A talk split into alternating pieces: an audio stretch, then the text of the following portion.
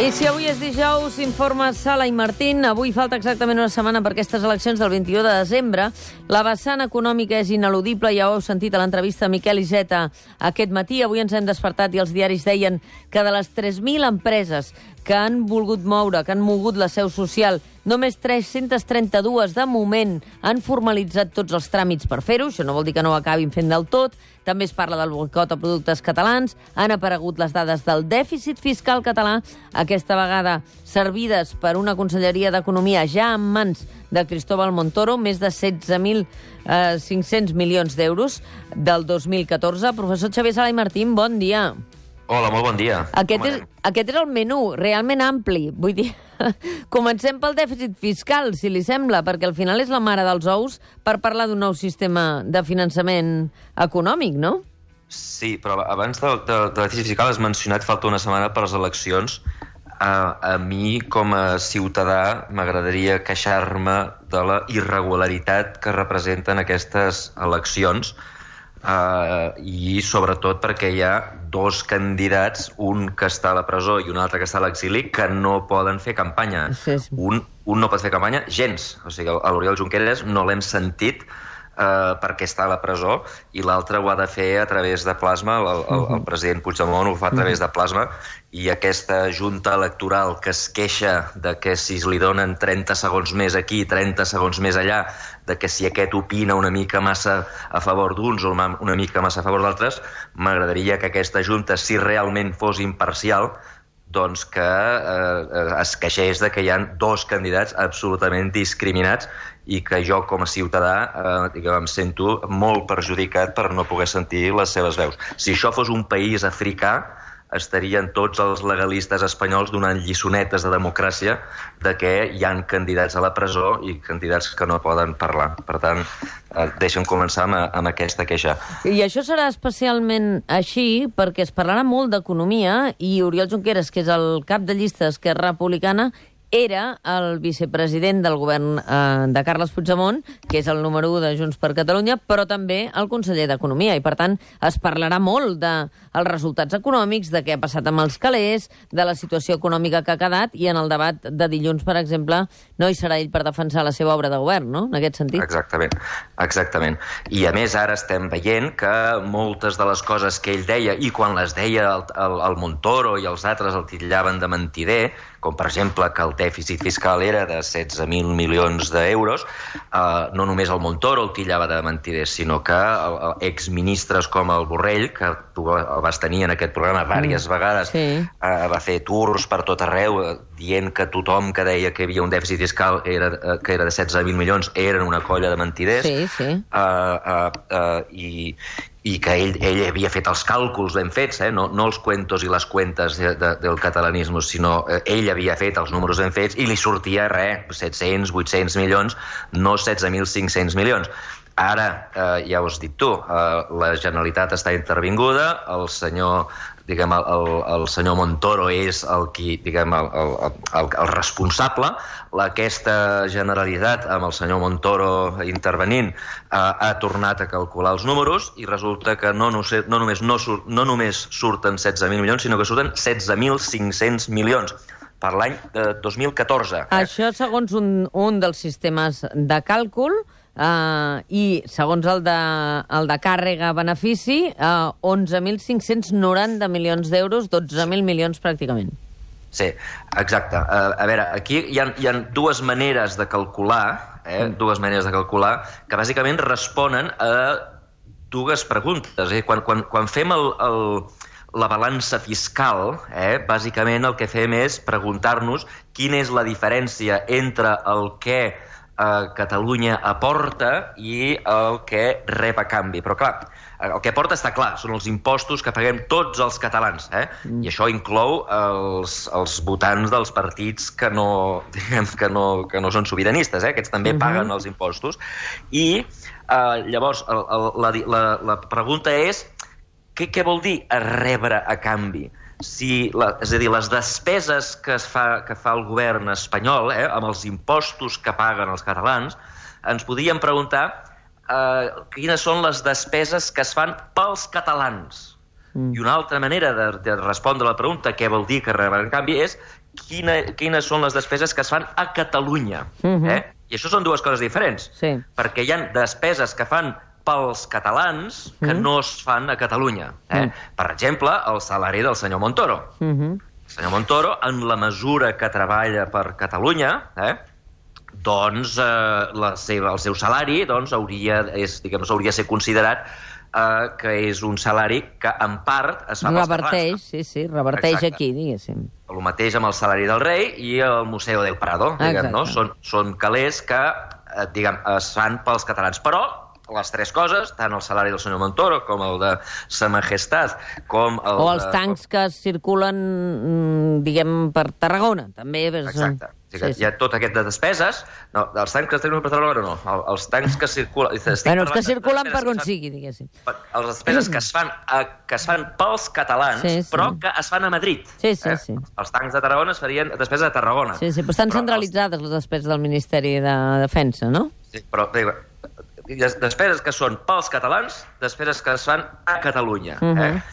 Llavors, eh, clar, hi ha la, la, la, la, la, la, la diferència entre els ingressos, diguem, el que aporten els catalans i les despeses que es fan a Catalunya Mhm. seria el, el, serien 16.500 milions, seria el que es diu el, el dèficit monetari, Mhm. i la diferència entre els, els, el que paguen els catalans i el que es fa, les despeses que es fan pels catalans, encara que es facin a Madrid, seria l'altra. Per tant, d'una manera, calculat d'una manera, surten 16.500 milions, calculat de l'altra manera surten 11.500 milions. En qualsevol cas, és una bestiesa, sobretot tenint en compte que això passa any rere any, rere any, rere Sí, any. tenim l'històric des del 2002 al 2014 i, i des de posar el 2002 perquè la gent se situï, en un sistema sortien 14.000, de 13.696 i en l'altre 10.000 eh, per agafar un any a l'atzar. El 2008, que tenim la gran caiguda de la crisi, eh, aleshores són 17.000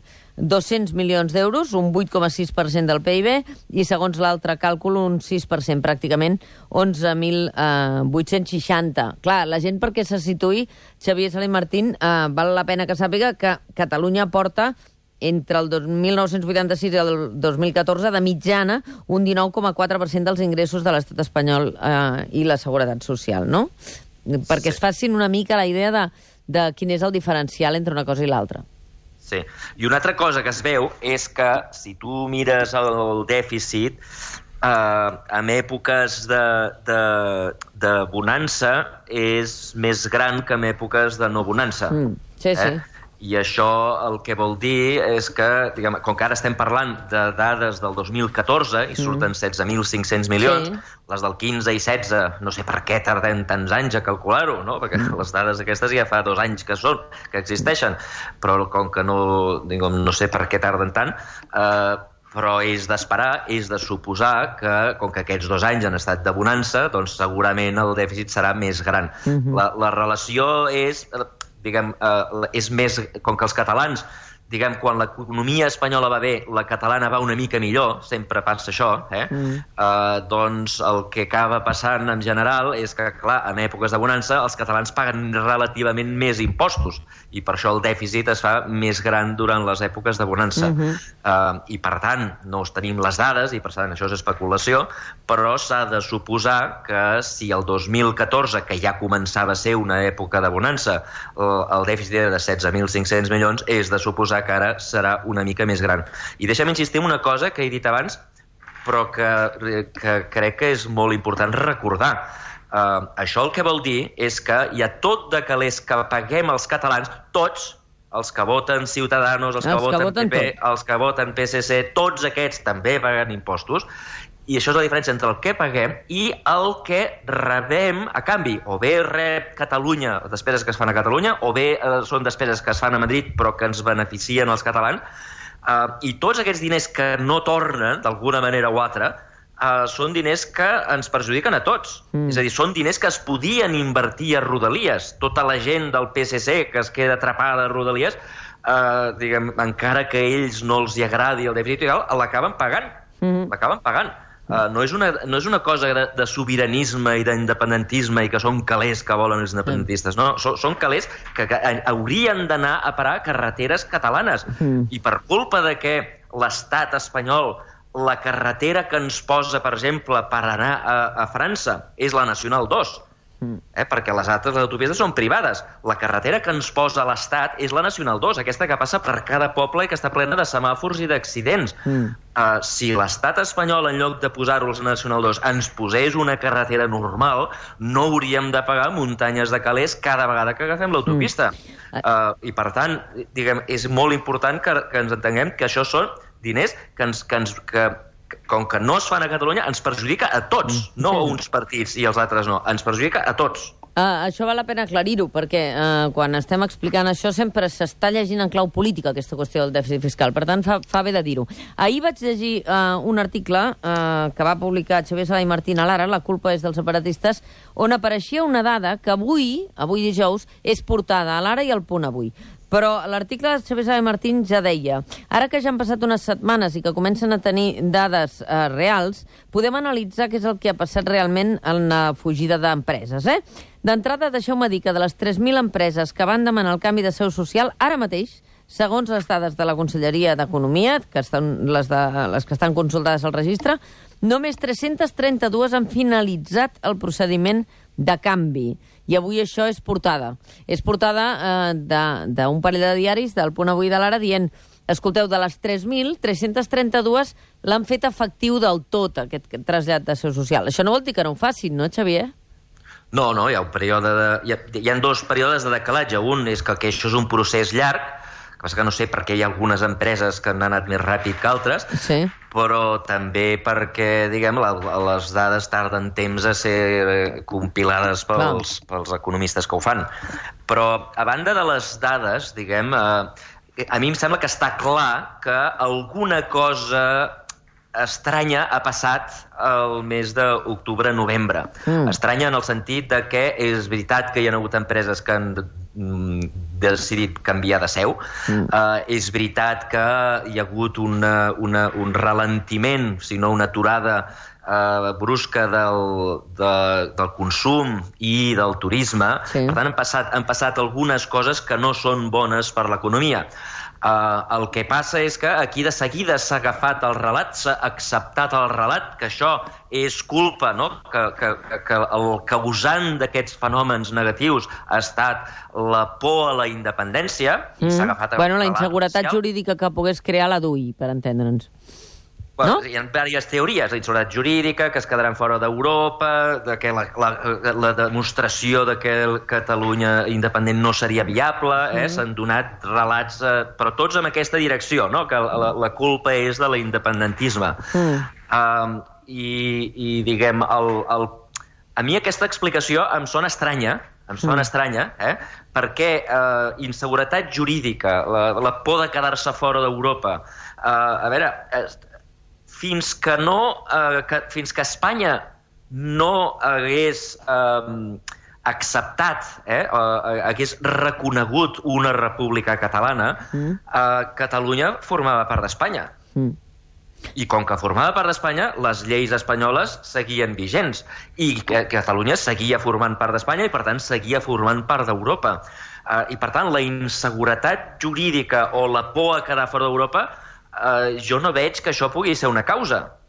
Eh? Com pot ser una causa si el Rajoy no estava, cas, no, no, no estava a punt d'acceptar o reconèixer la República Catalana, no? Mm. I, per tant, tothom seguia sent part de Catalunya, eh, perdó, d'Espanya, d'una manera normal. Sí. Uh, I, per tant, aquesta explicació a mi em sembla estranya. Jo, jo bueno, la gent, que... O per la por en aquest escenari, precisament, no? De que, de que no fos acceptat per Espanya i que això generés una confrontació, diguéssim, no? Exacte, però llavors la por és la confrontació. La confrontació.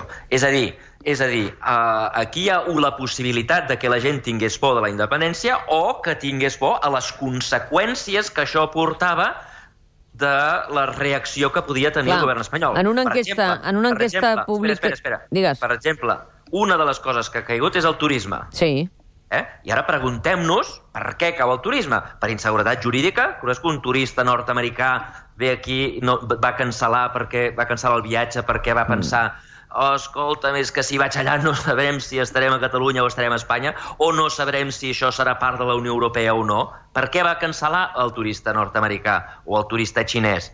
Doncs perquè va veure les imatges per la tele de que hi havia uns policies que pagaven a la gent.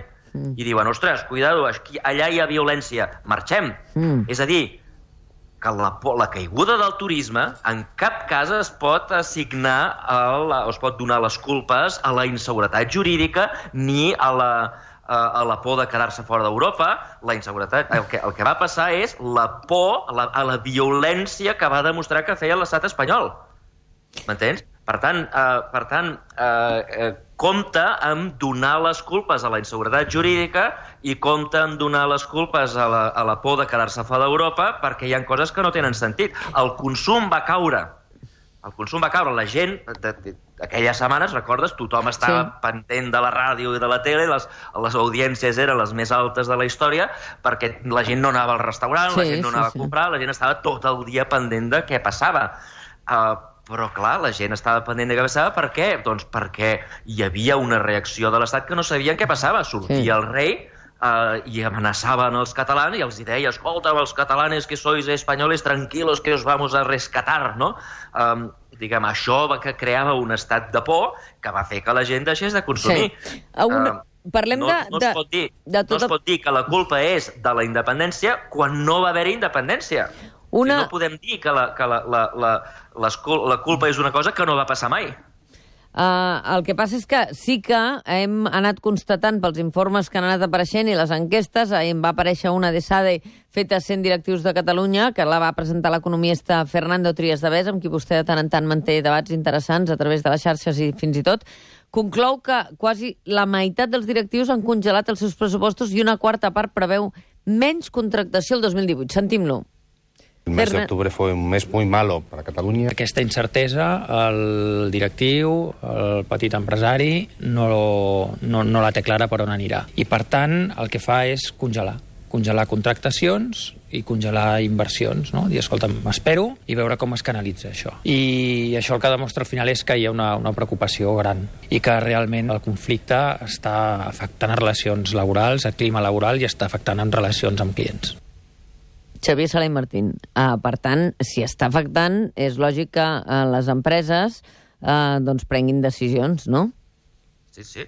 Per això, això ho he dit, que està afectant, això estem, estem d'acord. A veure, primera, el, el, el, amb el Fernando no només tenim debats a les... Uh, a les xarxes socials, sinó que és un bon amic meu sí, sí. I, i, i a més va ser, el van convidar a l'Economia en Colors perquè ens expliqués la, la, la seva visió de les prediccions. Mm. Uh, per tant, uh, el saludo aquí com, com a bon amic, a bon amic que som. Uh, dit això, uh, eh, deixa'm dir una cosa. En aquests moments, en aquests moments eh, els treballs de, basats en enquestes no, mm. no ajuden.